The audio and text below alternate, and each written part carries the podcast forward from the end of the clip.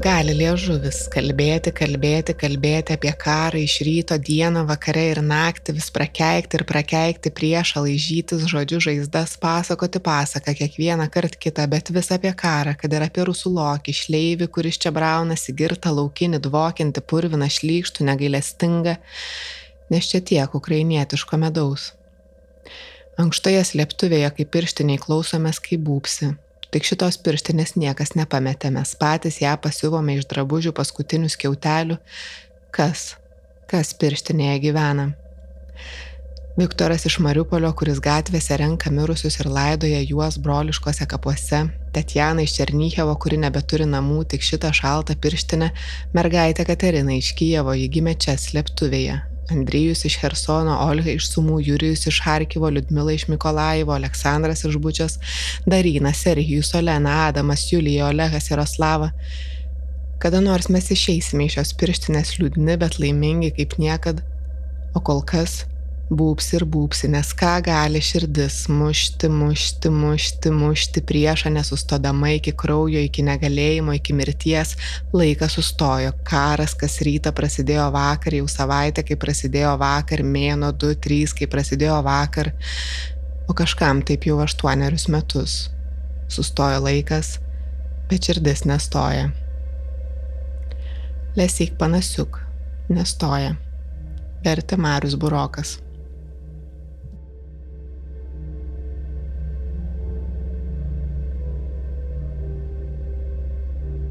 Sveiki, jūs klausote Narą tinklalaidas. Mano vardas Berta Tilmantaitė ir šiandieną kviečiu į susitikimą su poetu, vertėju, literatūros kritiku Mariumi Buroku. Gali būti, kad kasdien Facebook'e skaitote Mariaus įvykių apžvalgas apie karą Ukrainoje. O galbūt akis bus užkliuvusi šiuo metu Mariaus vis išverčiamos ukrainiečių autorių poezijos. Būtent apie tai Apie buvimą tarp faktinės informacijos ir eiliuoto būties fiksavimo šiandieną ir kalbėsimės. Leiskime į pokalbį. Tai sveiki, Mariu, ačiū, kad skiriat laiko pakalbėti. Sveiki. Visiems turbūt jūs toks pažįstamas ir visai artimas paskutiniu metu dėl nuolatinių naujienų apie Ukrainą ir e, dažnai minimas pokalbiuose. Dėl to norėjau susitikti, pakalbėti plačiau ne tik apie tą karą, informaciją, e, literatūrą, e, bet ir apie tai, kaip visame tame būti žmogui. Ir pati pasėmiau jūsų knygas perskaityti poezijos ir ten vienos knygos pradžioj buvo mm, tokia citata. Šiaip viskas dabar skaitant, žiūrint, mm, klausantis kažkaip kitaip skamba, kitaip įsikontekstina, kad ir matyti, skaityti, girdėti dalykai. E, tai noriu perskaityti. Kūrybiškumas dažniausiai paslėptas pyktyje. Pyktyje, kuris paverčia mus nejautriais, tačiau gali pastumėti ir veikti anksčiau išmoktais metodais - peiliais, šautuvais, nuodais, pasakojimo gudrybėmis, prozos formomis, eilių ritmu ir taip toliau. Orhano Pamuk citata iš Juodosios knygos. Ir kaip jum šiandien tai skamba? Ar pavyksta kurti ir pasinaudoti tais išmoktais metodais? Aha, čia antros knygos citata, jei neklystu.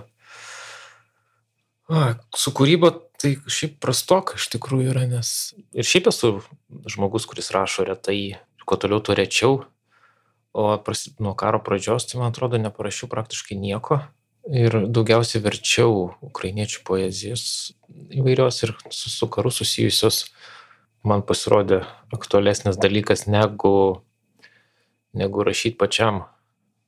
Juolab apie karą rašyti būtų mano galva kažkiek šventvagiška, nes nu, aš ten nesu ir savintis kažkokius dalykus ir prašinėti svetimus, svetimas skausmą ir, ir visą tragediją man kažkaip atrodo yra savanaudiška iš tikrųjų. Iš be to tai vis tiek, jeigu iš paviršiaus atrodytų gerai, tai giliau būtų netikra. Ir, nu, nežinau, tai man tai nepatinka. Ir tie vertimai man kažkaip atrodo truputį aktualesni ir reikalingesni tiek patiem autoriam ir jų poezijos klaidai ir apskritai jų požiūriui ir visam tam skausmui išsakyti ir tiek, tiek man pačiam iš tikrųjų. Tam tikra prasminga veikla, kuri padeda ne, neišsikraustyti iš proto, iš tikrųjų, tą žinią skaitant. Iš tikrųjų, toks įvyksta tarsi susijungimas tarp tų skirtingų net erdvių tam tikrą prasme, nes tai informacinė erdvė tokia labai faktiška, grubi gali būti tiesmuka ir tuo tarpu poezija visiškai kitas laukas su, su metaforom ar ne, su, su kažkokiam formom, su slepynėm, e, žaidimais e, ir panašiai, tai kaip pavyksta tą susijungimą atrasti. Nu, poezija iš dabar, ypač karo dar, tai jinai yra tokia koncentruota, stipri ir kai kur netgi tiesmuka. Kai kurie autoriai iš tikrųjų netgi naudojasi žinių ir įvairių karo dalykų medžiagą rašymui tas nėra taip toli iš tikrųjų vienas nuo kito, kaip galėtų pasirodyti. Tik veikia skirtingus žmogui, skirtingus dalykus. Nuo 2014 Varne Donbaso karo fone darė tą patį, rinkot informaciją ir pateikinėjote taip pat Baltarusijos protestų metu irgi darė tą patį. Ir galbūt galit šiek tiek papasakoti apskritai apie savo santykį su Ukrainos, galbūt ir Baltarusijos kultūra, kalbomis, istorija. Nu, tas santykis nėra jau toks labai iš tikrųjų visapimantis, kaip galėtų pasirodyti iš tų visų reportažų. Iš esmės tam santykiui nėra, nu, nėra daug ir laiko, jis kokį 12-10 metų prasidėjo viskas, aišku, nuo poezijos ir bendrų vertimo dirbtuvių ir vizitų į Baltarusiją ir Ukrainą.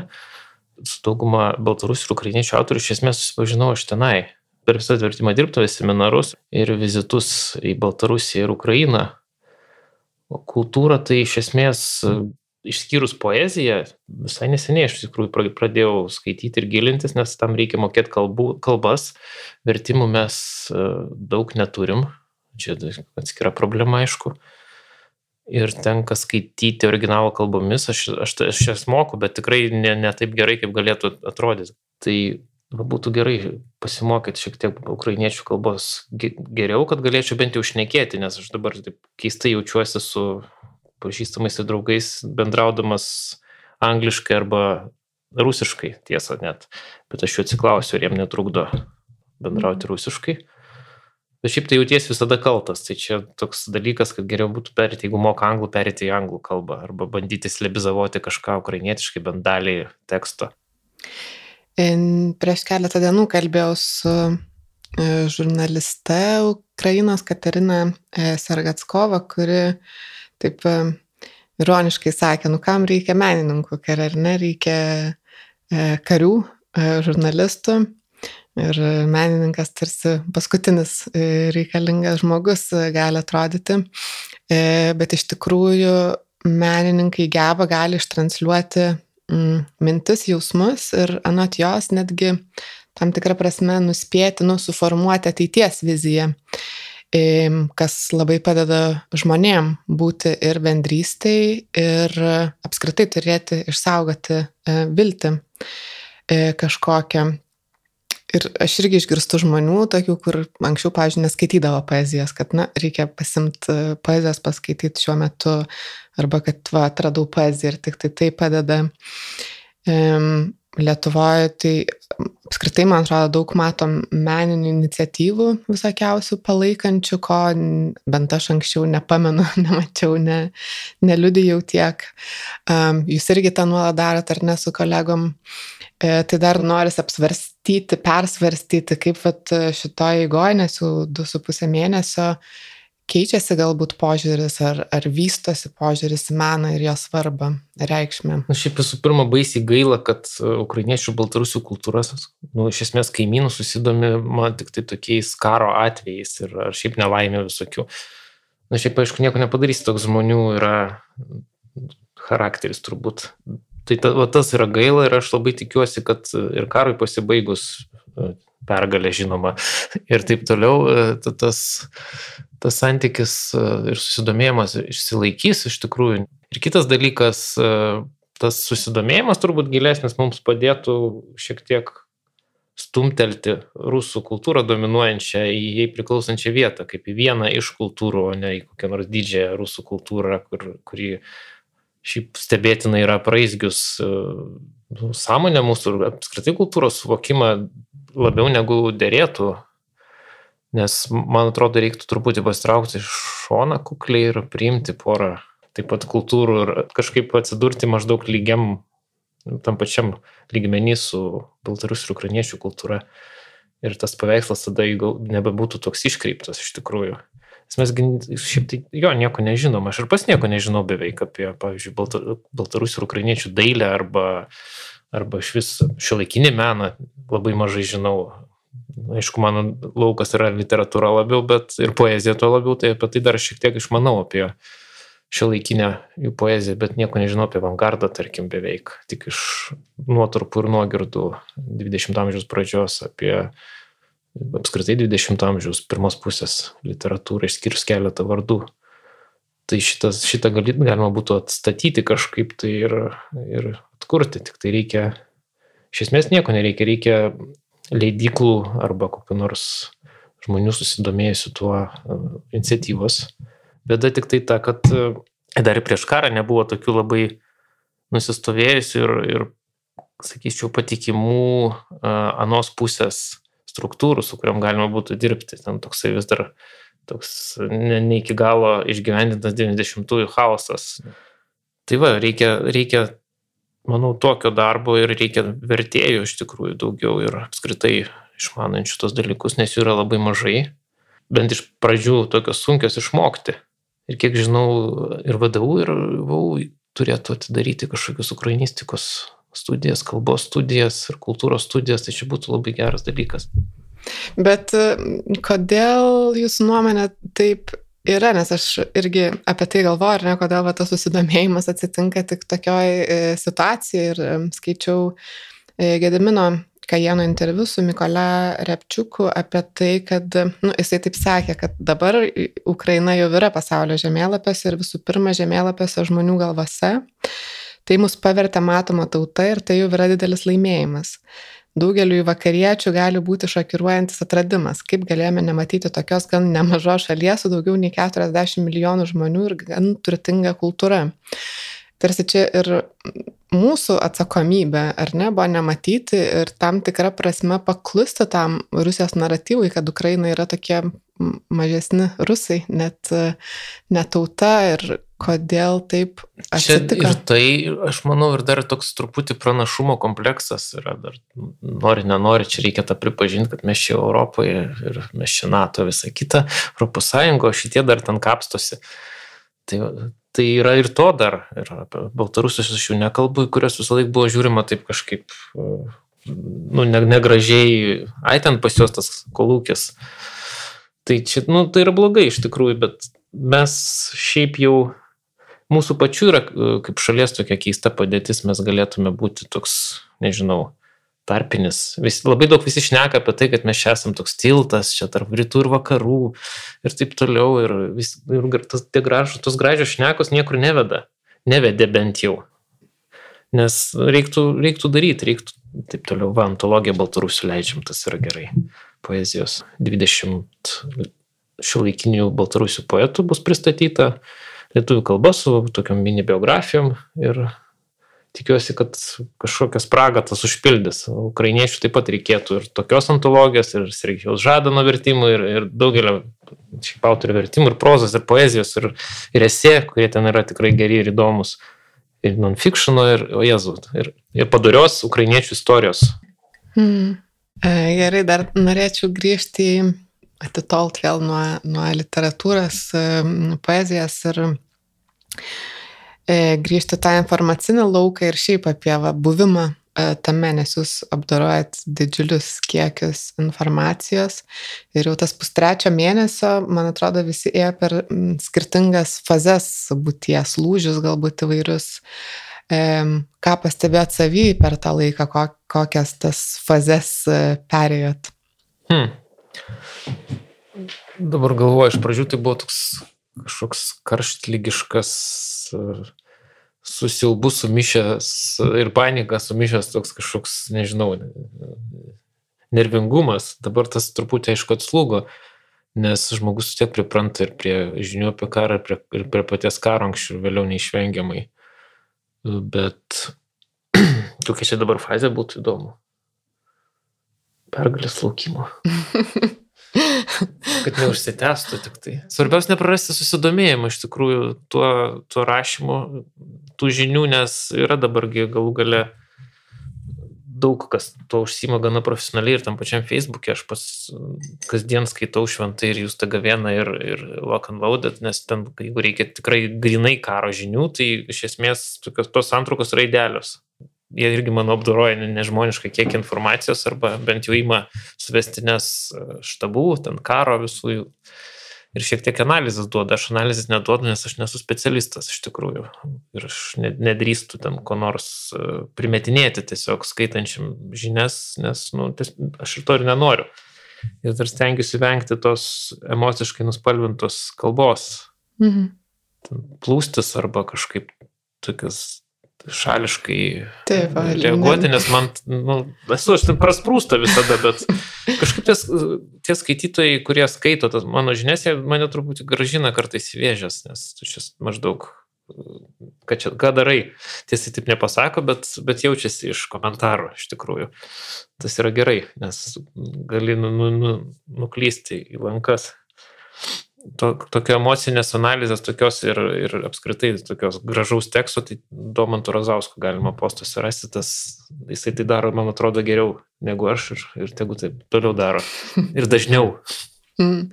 Kažkaip girdėjau, kad daugam suskaitimas sunku, ar šiaip žiūrėjimu ten kažko aš ir pati nei filmų, nei knygų nesinorėjo.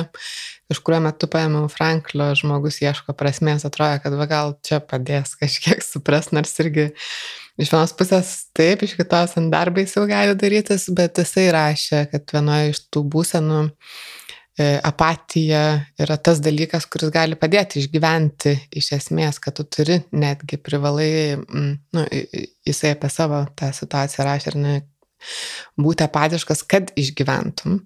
Tuo tarpu jūs tad nesustojat ir nuolat kartuojat, kad mums svarbu žinoti, svarbu nepavarkti, svarbu nepamiršti ir nu, domėtis, išlaikyti tą susidomėjimą. Tai nebuvo apatijos ar poreikio tam.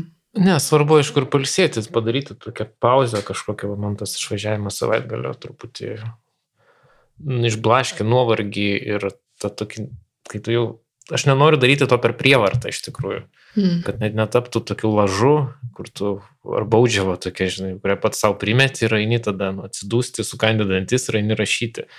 Čia vat padeda poezija, dėl to tas poezijos skaitimo lygis iš esmės ir, ir susidomėjęs šį poeziją išaugo, nes ilgų tekstų, kai negali skaityti ir kai negali susikaupti ir, ir gauni tokį koncentratą iš esmės e, literatūros, e, tai palaiko kažkokį tai tam tikrą emocinį ir protinę, protinę mankštą galų gale. Eilėraštis vis tiek veikia visus lygmenis ir poezija taikomoji prasme viena iš yra ir tokia iš tikrųjų. Ir gali, galima ją skaityti ir taip, tie, kurie apskritai jos neskaito. Aš kažkaip esu visada žmonėm, kurie mažai skaito poezijos, aš maždaug taip ir patariu, nes nu, nu kažko tai pradėti reikia. Nesiūlyti jiem kažką čia kažkokių tokių aukštų frazių, bet labai būtiškai pažiūrėti į, į eilėraštį. Nu, tikrai į kavą, į kokį, nežinau, vitaminą D ir, ir taip toliau informacija ir apskritai va, tie informaciniai pranešimai, e, kad ir Ukrainos e, oficiali informacija, ar ne, irgi yra, gali būti ir yra, aišku, e, naudojamas kaip įrankis kare ir ta informacija pateikiama nebūtinai gali būti tiksliai ir teisinga, specialiai ar ne darant tai siekiant kažko Tai kaip jums dirbant su tą informacija, ar tenka daryti kažkokių vertybinių sprendimų, um, sakot, stengiatės išlaikyti tą neutralų toną, bet kartais ten išsprūsta ar ne emocijos, kartais galbūt ir ta informacija supranti, kad jinai nebūtinai yra teisinga, bet norisi ją dalintis ar ne, kad jinai veiktų, kartais uh, galbūt ne, kaip tie sprendimai. Oi, aš esu įsidūręs per šitos tris mėnesius keletą kartų paskubėjimų skelbti to, kas iš tikrųjų nebuvo tai, ko buvo. Šiaip yra aišku dar tas azartas, ne, ne, neišvengiamas e, žmogaus, kuris turi prieigą prie naujienų ir nori pats pirmas paskelbti. Tas yra pakankamai nemažas, tarp kitos stimulas visą tai daryti, tai pripažinkim. Ir tie paskubėjimai paprastai pakiša ko anksčiau ir vėliau. Bet aš dabar stengiuosi išlaukti bent pusvalandį ar valandą dėl tam tikrų tokių bombinių dalykų arba pasitikrinti bent per kelius šaltinius. Nu, šiaip tai aš tą dabar, kai rašau, aš šiek tiek riboju mm, šaltinius. Aš daugiausiai dabar žiūriu vis dėlto ukrainiečius, nes juos mažiausiai kiti žiūri. Tokia CNN ar BBC ir visa kita pasiskaito, pasiskaito daug kas ir lietuviškas žinias ir taip toliau o rusiškai ir ukrainietiškai arba dar kokia nu, nu, slavų kalba nedaug kas, nėra tiek daug žmonių suprantančių, kiek.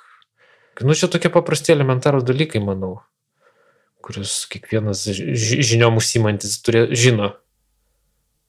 Dar įdomu tas vat, vakaruose, ten galima, e, tas skirtingas informacijos irgi um, interpretacijos ant vakaruose galima to vestspleininimo nemažai rasti ir, ir, ir vienokio požiūrio, tada ten ukrainietiška medija skaitant dar kitas iš, iš kitos pusės visiškai požiūris, tai tada labai įdomi ta galimybė. Nu, Ukrainiečiai iš vienos pusės sunkiai tramdosi, nes aš jo suprantu, kodėl. Net nes oficialiuose netgi kanaluose žinių jie ten tokį sarkastiškų toną pa, paėmė. Iš kitos pusės ir visą tai yra labai toks pikdžiugiškas jausmas, kai Rytų Europą pagaliau duoda Vilnių vakarų Europai ir, ir teisėtai ir, ir, ir jie neturi ko atsikirsti. Apima toks, nu, toks džiugesys, toks ha ha ha. Nors tai nėra gal tai gerai, bet, nu, šiaip svarstyklės išsilygina, manau, šitam, su šito karu požiūriu. Aišku, nereikia čia svajoti apie didžiulės rytų Europos sąjungas ir dominuojančią padėtį žemynę, bet kai kurie dalykai pagaliau uh, grįžo į tas vietas, į kurias jau turėsi negrįžti. Statyti balansą bent jau. Taip. Ar permastas visam šitam informacijos kontekste patį žmogiškumą iš esmės, nes nu, žinojimas, ką gali žmogus, e, kokius žiaurumus ir, nu, bet tuo pačiu ir ką galingo, ką labai gražaus gali, kažkaip verčia tarsi vat, permastyti, kad visa tai talpini ir savy, kad mumise irgi tai telpa ir galėtų būti aktyvuota vienokiais ar kitokiais būdais. Mm, ar galvojate apie tai? Galvoju. Ir aš pats galvoju, nežinau kartais, tarkim, pastatyti savai tas situacijas, o kaip, o kaip aš elgsiuos. Ar yra ten, kiek ten yra drąsos ir kiek yra bailumo tavy tam tikrose situacijose, kaip, ir, kaip tu darysi. Nu, aišku, tai yra visi, visi hipotetiniai spėliojimai, nes visi sprendimai būtų vis tiek priimami žaibiškai ir vietoj, jeigu jau tektų juos priimti. Aišku, visada galvoju apie save geriau negu, negu yra, Tai yra tokios ir kartais baimės, nes nu, galvoju, kad nepateisinsi savo lūkesčio apie save, o greičiausiai taip ir bus vienu ar kitu atveju. Tai tas, tas yra, nu, nesmagu, bet ką padarysi. Aš galvoju dabar, nu, tos ir, ir būčios skerdinės ir visa kita, viską, ką tu skaitai kažkada, tarkim, Malapartės romanuose ar dar kažkur viskas vyksta dabar. Mane ištinka tas žinias rašant kartais tokie nežinau, priepoliai irgi tokie, ne panikos, bet empatijos gal kažkokius, nu, nežliumpsi, aišku, atsisėdęs prie kompo, nors norėtųsi kasdien iš esmės tam tikras žinias perskaičius. Tai tas tokios emocinės supinės iš tikrųjų rašant yra ir jos, nežinau, kiek jos vargina ir vargina tikriausiai. Bet čia ne, nu, neišvengiama, manau. Taip, mėtytis nuo, nuo tokio nuo ramaus darbo iki, iki siaubo. Nu ir svarbu tą balansą išlaikyti tarp tos um, informacijos suvokimo ir to šaltumo, nes irgi vienam interviu sakėt, kad tarsi norisi palaikyti atstumą, kad neįpulti tai, bet iš kitos pusės jautrumas, empatija, nori, nenori, nu, priartina visą tai ir įlenda kažkaip, nors laikai atstumą, įlenda mhm. iš vidaus ir pradeda ten kažkaip e, graužti ir vis tiek turbūt pragraužti ir iki ašarų, ir iki Tai čia neišvengiamai, nes nu, sunku yra atsilaikyti, juolab, kad turi ten gal gali ir pažįstamų ir draugų, dar ir tas veikia. Ir arba esi buvęs, tarkim, tai mane labiausiai veikia koks nors Liuvovo apšaudimas raketomis ir panašiai, nes, nu, aš ten ne, ne, keliolika kartų buvau galų gale. tada poli rašyti visiems pažįstamim, kaip jie ir, ir taip toliau. Yra kažkas, kas padeda tą balansą išlaikyti tarp to atstumo ir, ir artumo. Nežinau, čia turbūt nuolatinis toks savęs tikrinimas, nu, toks stengiasi tą pusiausvyrą kažkaip išlaikyti ir tiek. Tai aišku, struktūruotas laikas, kada rašai. Nes aš, kai prasidėjo Maidano įvykiai ir, ir Donbasas, aš kažkaip gana netvarkingai visą tai rašiau ir man buvo sudėtinga, nes tu visą laiką turi kaž, kažką taip paustinti, taip maždaug ir sekti ir, ir ieškoti kažko ir tai tave taip išbalansuoja, kad tai tas santraukas geriau daryti kaip, nežinau, ryte vakare ar kažkaip man bent jau. O ne visą dieną bandyti kažką srautą leisti, nes tai yra žiauriai vargina ir, ir, ir tą patį leidžiant į srautą ir, ir visus kitus išblaško, nes jie, ne, nu, šit paustinimas toks vyksta iš esmės, nes pusė tų tekstų iš esmės pras, prasprūsta ir tu užterši ir savo eterį ir kitiem. Mhm, impulsyvus, tik tai vis tiek turbūt tiek ryte, tiek vakare paskui nešioja su savim visą tai, ką surašai. Um, Galima į su šunim pasivaikščioti po to. Mm. Labai gerai. Išvaikščiat. E, Homo kultus laidoje pasaulio švedas su Domantu Razausku ir jūsų minėtų Vytų Dekšniu kalbėjote apie tą Ukrainos kuriejų norą gyventi normalų gyvenimą ir apskritai apie tą normalaus gyvenimo svarbą tiek ten, tiek čia. Bet ta nu, normalybė gal irgi vat sunkiai kartais pasiekiama gali būti, nes tas, man atrodo, įdomus dalykas pas mus, vad būtent vyksta, nežinau, aš savy pastebė aplinkoje, kad mes fiziškai kaip ir saugus esam ar ne, bet galvoj gyveni tose naujienose ir to, kas vyksta. Ir tada įvyksta toks skilimas kažkoks, kad esi tarp ten ir čia, E, tarp realybės šitos, kuri kartais netgi, nežinau, pykdo, kai matai, kad kažkam nerūpi, kažkas kažką švenčia ar kažką daro, arba pats jautiesi kaltas e, toj normalybėje gyvendamas ir tarp tos realybės ten, kurią išgyveni kažkaip emociškai, mm, mintimis, e, kažkokiam prie kompiuterio ar prie ten telefoną skaitant. Ir kaip, kaip jums tą normalumą pavyksta išlaikyti jeigu pavyksta? Nežinau, e, vis tiek kasdienybė ganėtinai stiprus inkaras yra. Šiaip jau yra ir laiko patikimai, ir vaikai, ir, ir visokie tie būties rūpešiai, ir kiti dalykai. Bet kartais iš esmės šiek tiek perdegi ir aš kaip pagaunu save vaikštant po senamestį ir užsikloju ant gatvės namų grįvėsiai nu, toks kaip tokia perregimas skaidrė, tai galvoju, reikia gal daryti pauzę ir, ir, ir kažkiek tai pamažinti visų tų ar skaitimo, ar, ar domėjimusi bent jau parai, nes nu, stogas važiuoja. Tai tada yra ženklas, kad reikia kažkaip apsiraminti, eit poezijos gal verst ar, ar savo tiesioginių vertimų susimti grožinės literatūros. Padeda, tarp kitko, nes tiek įsigilini visai kitą pasaulį ir, ir, ir tas kažkaip išmuša iš tos vagos dabar verčiu romaną, visai nesusijusi su tuo. Nu, susijusi, viskas čia susiję, bet, bet jis vis tiek toks gražiai parašytas, tai man tas sakinio dėliojimas iš vienos kalbos į kitą labai ramina. Aš taip su tokiu džiaugsmu pradėjau versti romaną, kaip seniai buvau jautęs tokį džiaugsmą. O paminėjot būti ir šeimą, ar kalbat su dukrom apie karą ir kaip uh, Kaip apie jį kalbat? Šiek tiek, mes kažkaip specialiai nieko lyg ir nekalbėjom, bet jos vis tiek mato, ką mes žiūrim ir, ir ką darom. E, Visą dar dalį iš informacijos iš mokyklos gauna, tai jos kas dedasi žino. Viena dukra paauglė, jinai kažkur ten savo biškių pasaulyje yra. Tas karas yra toks fonas rimtesnių problemų. E, tai, tai šitą suprantama visiškai, o mažoji dešimtmetė, tai jinai kažkaip suvokia visą tai. Aš manau, kad ir tas vaikų padidėjęs koks nors nervingumas, tarkim, ar, ar kokios dažnesnės lygos yra irgi iš to emocinio lauko ir fono, kuris supa. Ir iš mūsų kažkiek persitransliuoja, manau. Bet kažką, ką daryti su tuo konkrečiai, aš nelabai iš tikrųjų dar suprantu. Mm. Na ir atsimenu irgi situaciją, turėjom tokius mokymus mokykloje iš su moksleiviais, aštuntokais apie fotografiją ir kažkaip aš tiesiog paklausiau jų pradžioj, va čia prieš gal porą savaičių, kaip jūs jaučiatės, kuo gyvenat. Ir jie kažkaip visi taip netikėta man gana buvo, sako, pikta, labai pikta, tas karas labai pikta. Uh, Ir, ir tada visiškai pasisuka nu, apie tai, kalba, ką su tuo daryti. Ir kažkaip man atrodo, kad nu, va, tas turbūt vienintelis dalykas, ką su tuo daryti, nu, tai kažką veikti su tuo. Mm. Viena mergaitė sako, aš atrinkau rūbus mhm. E, savo, kuriuos galėčiau atiduoti.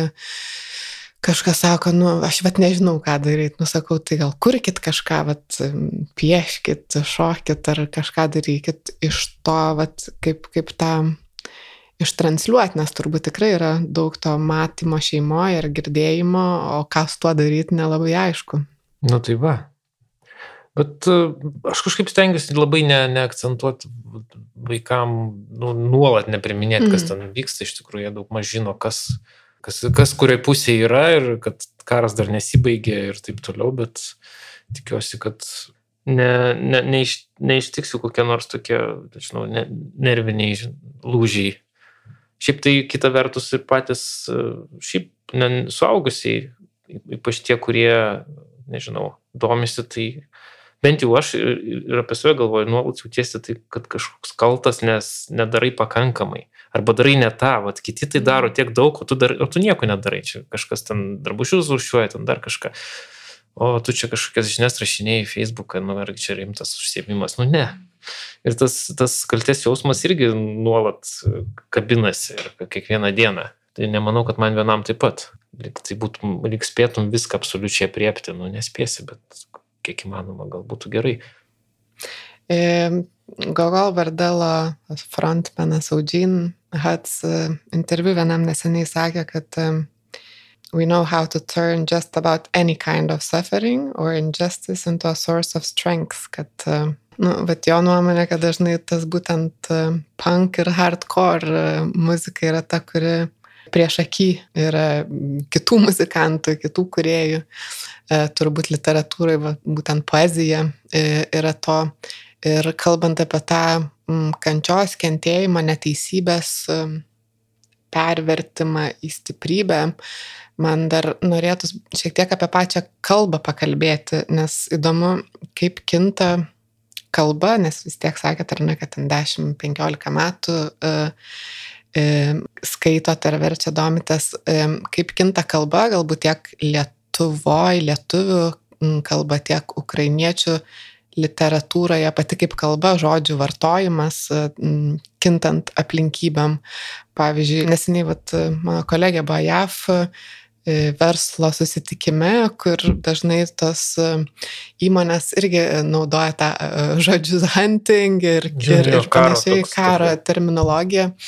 Ir ten buvo paprašyta nevartoti ir būti irgi jautresniems tai kalbai dėl vykstančių dalykų, nes tai gali kažkaip trigerinti žmonės esančius arti mm, tų įvykių.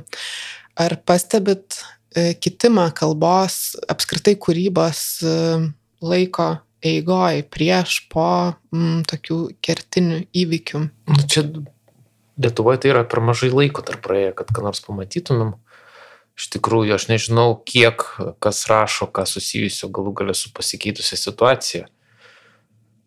Nes dar anksti išnekėti kažkaip nėra tokio tekstų ir apskritai reakcijų ant plūdžio, kaip pavyzdžiui buvo per pandemiją, kas yra keista, nu, nes lyg ir čia būtų didesnis ar ne didesnis, bet tiesiog e, toks žiauresnis ir, ir koncentruočiau vykstantis dalykas.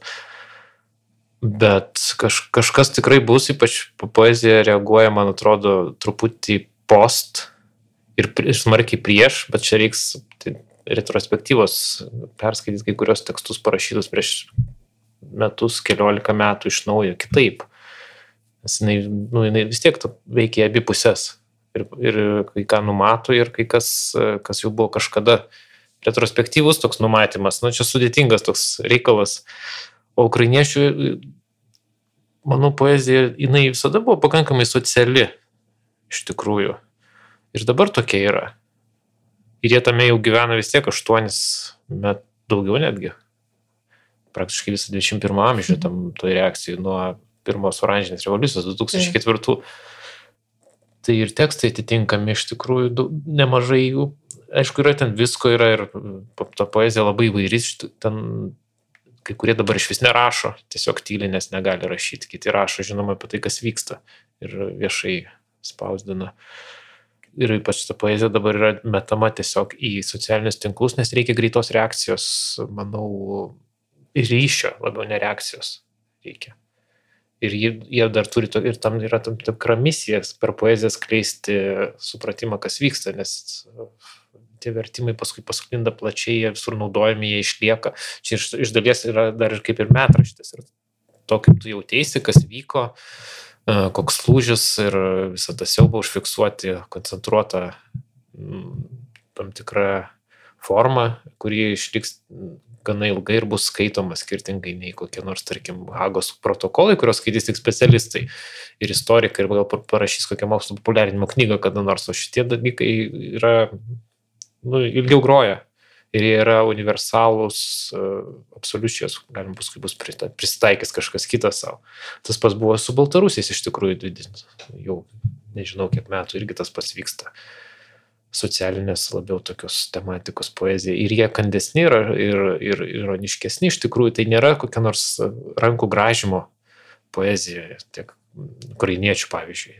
Ir yra pakankamai stoiškai, pakankamai tiksli ir tos metaforos yra labai tikslios ir, ir jinai pataiko ten, kur reikia, ten ir nedaug žodžiauja. Jeigu yra daug žodžių, tai tiesiog tai yra tas srautas toks sąmonės kaip Darinas Gladūnas aš esu vertęs arba Lėsio Panesiuko eilėraščius, tai yra toks, na, imituojantis turbūt visą tą karštlygišką tokį bandymą susivokti ir, ir, ir norą išsakyti tą visą, iškalbėti tą siaubą ir tą nesupratimą, kas vyksta, nes yra ten, tarkim, eilėraštis apie marodierius, kurie iš Baltarusijos pašto skyrių siunčia prisiplėštus tos krūvinus daiktus. Tai ten yra būtent taip ir perkti nuolatiniais pasikartojimais, kad siunčiama tas, tas, tas, anas, vardėjami tie daiktai. Tas vardymas savaime yra baisus, nes jų yra daug, daug daiktų ir, ir plėšiama viskas ten, siaubas.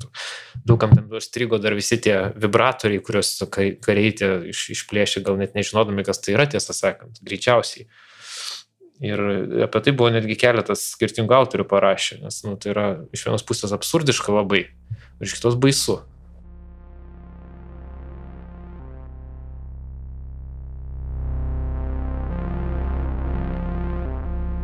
Kas vakarą, guldamas į miegoti, nepamirštu užžiepti mažos neapykantos žvakelės, kad neužgestų iki ryto, kad degtų per naktį taip baisiai, taip raudonai, kaip dega apšaudytose miestuose mūsų praeities - baldai, knygos, vaikų piešiniai, senos nuotraukos, mūsų vakarykščiai dar pasitikintis kūnai.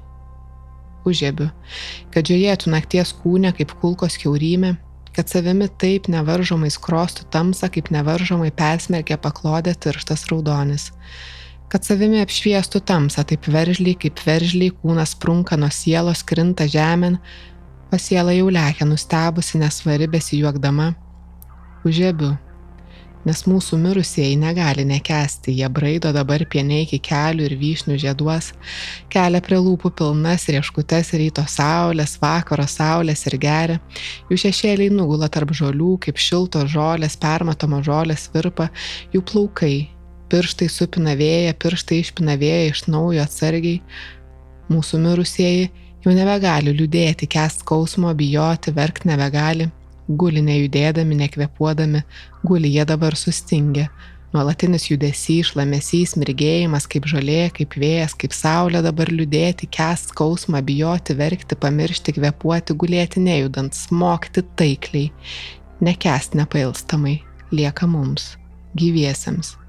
Ir kol mūsų languose negali skaiščiai sušvisti meilė, kad nenukristų mums ant galvų iš viršaus mus pastebėjusi liepsnojanti skriejanti mirtis. Tegul bent ši maža žvakelė šviečia man kvailoj naktį, kad matyčiau, kas vyksta šioj mirtinoj tamsoj. Matyčiau. Ir matyto daugiau nepamirščiau niekad. Irina Šuvalova. Vertė Jurgita Jasponytė.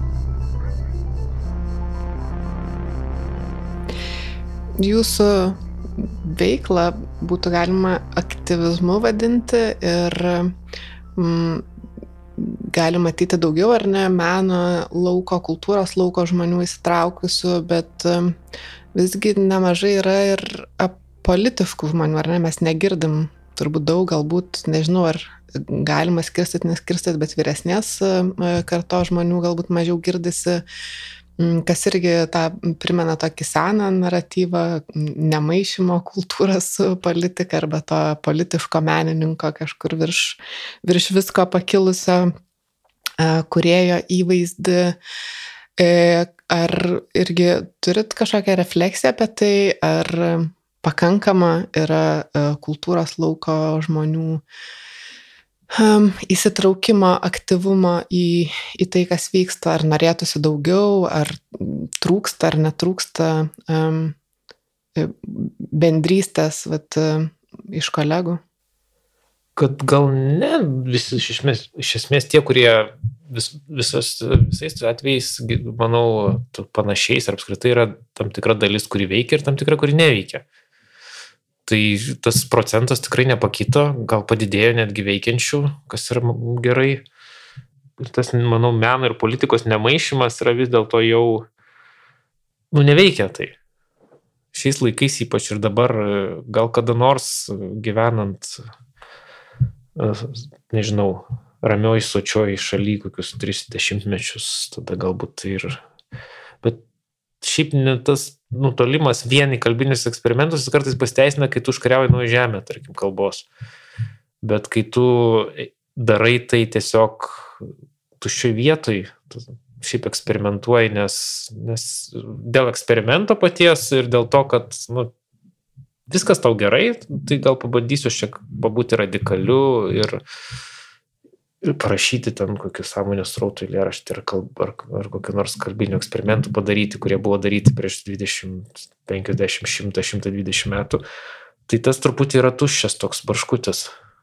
Ir kai kurių šal, šalių poezijoje arba netgi kai kurių kartų poezijoje aš kartais gauni atrinkti svečius, tarkim, į kokį užsienio festivalį, tai prisiskaitai tokių, tokių žaidimų ir galvoji, nu gal ir gražu, bet ar mums jo reikia? Ne Nes nu, tai kažkaip nekabina ir, ir tai visiškai nutolia nuo, nuo to, kas apskritai vyksta pasaulyje. Gal tokių reikia, bet aš dabar tiesiog negaliu to vertinti nešališkai, nes negaliu. Ir aš pas nerašau irgi iš dalies dėl to, kad nu, kažkaip neišeina man dabar užsiminėti to, ką aš darau, nes viskas tai atrodo taip truputį beprasmiška. Tai gal reikia išlaukti, nežinau. Tai pabaigai kita, kitos knygos citata Alena Ginsbergo, e, kuri buvo ir e, kitoje jūsų knygoje kaip, kaip toks įvadas. It's hard to eat shit without having visions. Kaip ją išverstumėt ir kaip ją Nu, tuo atveju, kai rašau, tai čia buvo toks, kai ją įrašiau, tai buvo toks huliganizmas šiek tiek. Um, Ir šitą, aišku, galima suprasti labai skirtingai šitam kontekste slengo, kaip, kaip narkotikus galų gale. Bet nu, čia, čia, man atrodo, vat, konkrečiai šituo atveju jis yra perfrazavęs tą garsiai amerikiečių optimistinę patarlę, kad jeigu tau duoda citrinų gyvenime, tai daryk iš limonadą. Tai čia yra tas pats, uh, tik tai bitnikiškai perdarytas reikalas. Šiaip tai labai optimistinė citata, nes nors kiek šūdo gyvenime suvalgytum, bet vis tiek turėsi vizijų ir galėsi jas kaip nors, kaip nors kažkaip tai nu, iš, ištranšiuoti ir, ir ta prasme, kad tam purve veikia dar ir, ir vaizduoti ir, ir visa kita ir jinai gelbsti. Gal, aš nežinau, gal taip traktuočiau. Aišku, čia ironiškas toks daiktas, bet, bet manau, kad e, šiaip Ginsbergas buvo pakankamai nuoširdus, ne tik ironiškas, tai šitas, šitą jis ir turėjo menį greičiausiai. Man irgi kažkaip labai taip suskambėjo um, optimistiškai gana, nors ir um, nu, turi tą fūdą valgyti, bet um, kažkaip galima iš jo tas vizijas išspausti. Kažkaip prisiminiau šiandienos žinę labai keistą perskaitytą apie rusų oligarchą, kuris numirė šią, šią, šią, šią naktį, nes šį rytį tiksliau nes jisai, nu, gal pagirės gydėsi, buvo pripratęs pagirės gydytis pas šamaną. Ir, ir šamanas duodam laižyti tas, nu, nu, tas halucinogenės varlės. Mhm. Ir, va, ir tada jis ten išsivemdavo ir jam būdavo lengviau. tai, tai va dabar žmogus e, palaižė tą varlę, jam pasidarė negerą, šamanas paguldė į Rusį ir pamiršo ir jis numirė ten. Šiaip gyvenimas išradingesnis kartais už eilėrašius būna. Aš jau belevinas praktiškai. Dar kito Lukoilo, man atrodo, kažkas buvęs iš vadovo vienas. A, šiaip labai keista, nes kaip tik sako, kad alkoholio nu, negalima ten prieš visą šitą bent porą savaičių, nes kitaip labai blogai veikia. Nu, aš šito nežinau, bet, bet vat, vat, jis pasitikėjo to šamanu, kažkai kokiu ir taip jam išėjo vargšai. Kažkada tarp meilės ir neapykantos buvo miškas ir pastatai. Dabar miškas išlaužytas ir pastatai sudeginti, tarp meilės ir neapykantos vaikštame tiesiai. Aiškumas toks netikėtas, kad ne visi spėja užsimerkti ir gulia pakinti priemeščių soduos, o tų, ištvėrusių, burnos it medumi užlipdytos ir kartoja tik meilę žodžius ir žodžius neapykantos. Taip, mes, plokščio žemės pasiuntiniai, vienintelis mūsų žodynas - antonimų. Atleiskit visi, kurie iš mūsų tikitės niuansų, kurie čia atvažiavo daryti spalvotų nuotraukų. Jūsų pastangos nueis veltui, kaip veltui nuėjo mūsų vilčių vainikai, akmenų rinkimo laikas, pokalbiai prie žemų stalų ryškiai apšviestose scenose. Atleiskit. Štai mūsų rengeno nuotrauka. Joje mėsa ir kaulai. Nieko daugiau ir neturime. Ostaps Levinski. Vertė Marius Burokas.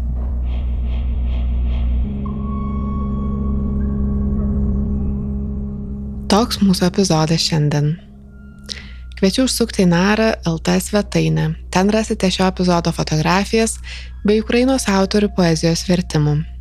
Tinklalaidės montažo autorius Adomas Zubė. Muzikos autorius Martynas Gailius. Mūsų Contribui adresas yra contribui.com pasvirasis brūkšnys nara. Norėdami nepraleisti naujausių epizodų, galite užsiprenumeruoti mūsų tinklalaidės podcastų programėlėse, sekti mus Instagram ir Facebook socialiniuose tinkluose, o ypatingai kviečiu suprenumeruoti ir kuruotą narą naujienlaiškį. Jame rasite ne tik visas mūsų publikacijas, komandos naujienas, bet ir rekomendacijas. Šį kartą tiek. Ačiū, kad esate kartu. Iki kitų susiklausimų.